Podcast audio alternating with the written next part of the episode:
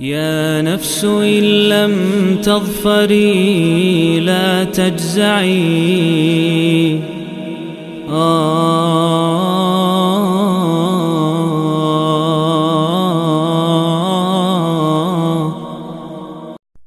Bismillahirrahmanirrahim Alhamdulillah Wassalatu wassalamu ala rasulillahi amma ba'd Ini adalah audio yang ke-95 dari pembahasan surat-surat Al-Quran Dan kita di surat At-Tin Surat At-Tin merupakan surat Makkiyah yang turun setelah surat Al-Buruj Sebelum surat Quraisy Surat yang terdiri dari 8 ayat ini disebut dengan nama At-Tin diambil dari awal surat. Ayat pertama Allah firmankan Wat-tini wa zaitun demi buah tin dan buah zaitun.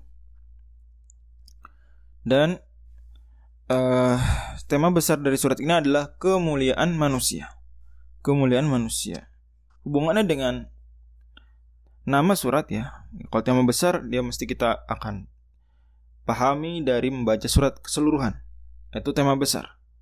Akan banyak ayat-ayat kunci yang menekankan bahkan semuanya sebetulnya cuma sebagiannya itu lebih nampak semua ayatnya dan sebagian lebih jelas lagi itu akan menopang tema besar yang ada di surat tersebut yang dibawa surat tersebut. Nah, tapi apa hubungannya dengan nama surat ini pembahasan yang lain? Ya, kajian yang lain dan kita sudah tegaskan berkali-kali paparan Imam Asyuti juga Imam Az-Zarkashi bahwa ada korelasi ya semestinya antara nama surat dengan dengan tema besar surat. Nah, itu menuntut memang istihad dan tadabbur yang kuat. Kata dan dan tema besar dari surat ini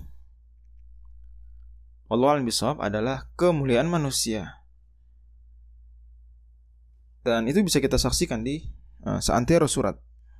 Allah Subhanahu wa taala misalnya firmankan Laqad khalaqnal insana fi ahsani taqwim. Sungguh kami telah ciptakan manusia dengan uh, sebaik-baiknya penciptaan, sebaik-baiknya penyusunan, ah sanit takim, sebaik-baiknya pembentuk pembentukan.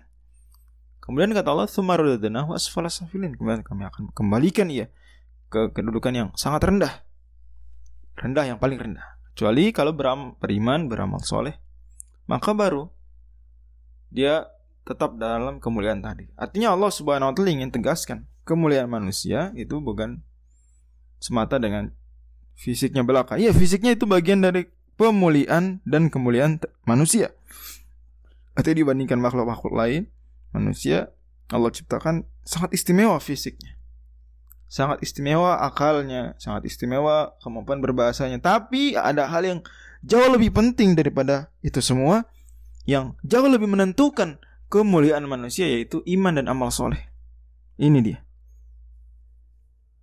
Dan Allah Subhanahu wa taala Karenanya kemudian menegaskan di akhir itu adalah bentuk kebijaksanaannya Allah. Alaihissallahu bi ahkamil hakimin. Bukankah Allah adalah sebaik-baiknya? Sebijak-bijaknya. Hakim. Dan dalam uh, hadis riwayat Ibnu Abi Hatim ya, dalam tafsir beliau bahwa ketika kita menutup surat ini baca surat At-Tin dalam salat sunnah atau salat Eh, ketika tilawah maka kita disunahkan membaca bala wa ana ala dzalika minasyahidin. Bala wa ana ala dzalika minasyahidin. Iya. Dan aku termasuk orang yang menyaksikan menjadi saksi bersaksi atas hal tersebut. Ini juga disunahkan mengucapkan uh, hal yang senada di akhir surat Al-Qiyamah. Karena Allah di sana berfirman alaysa dzalika biqadirin ala ayyuhyil mauta? Kita katakan bala.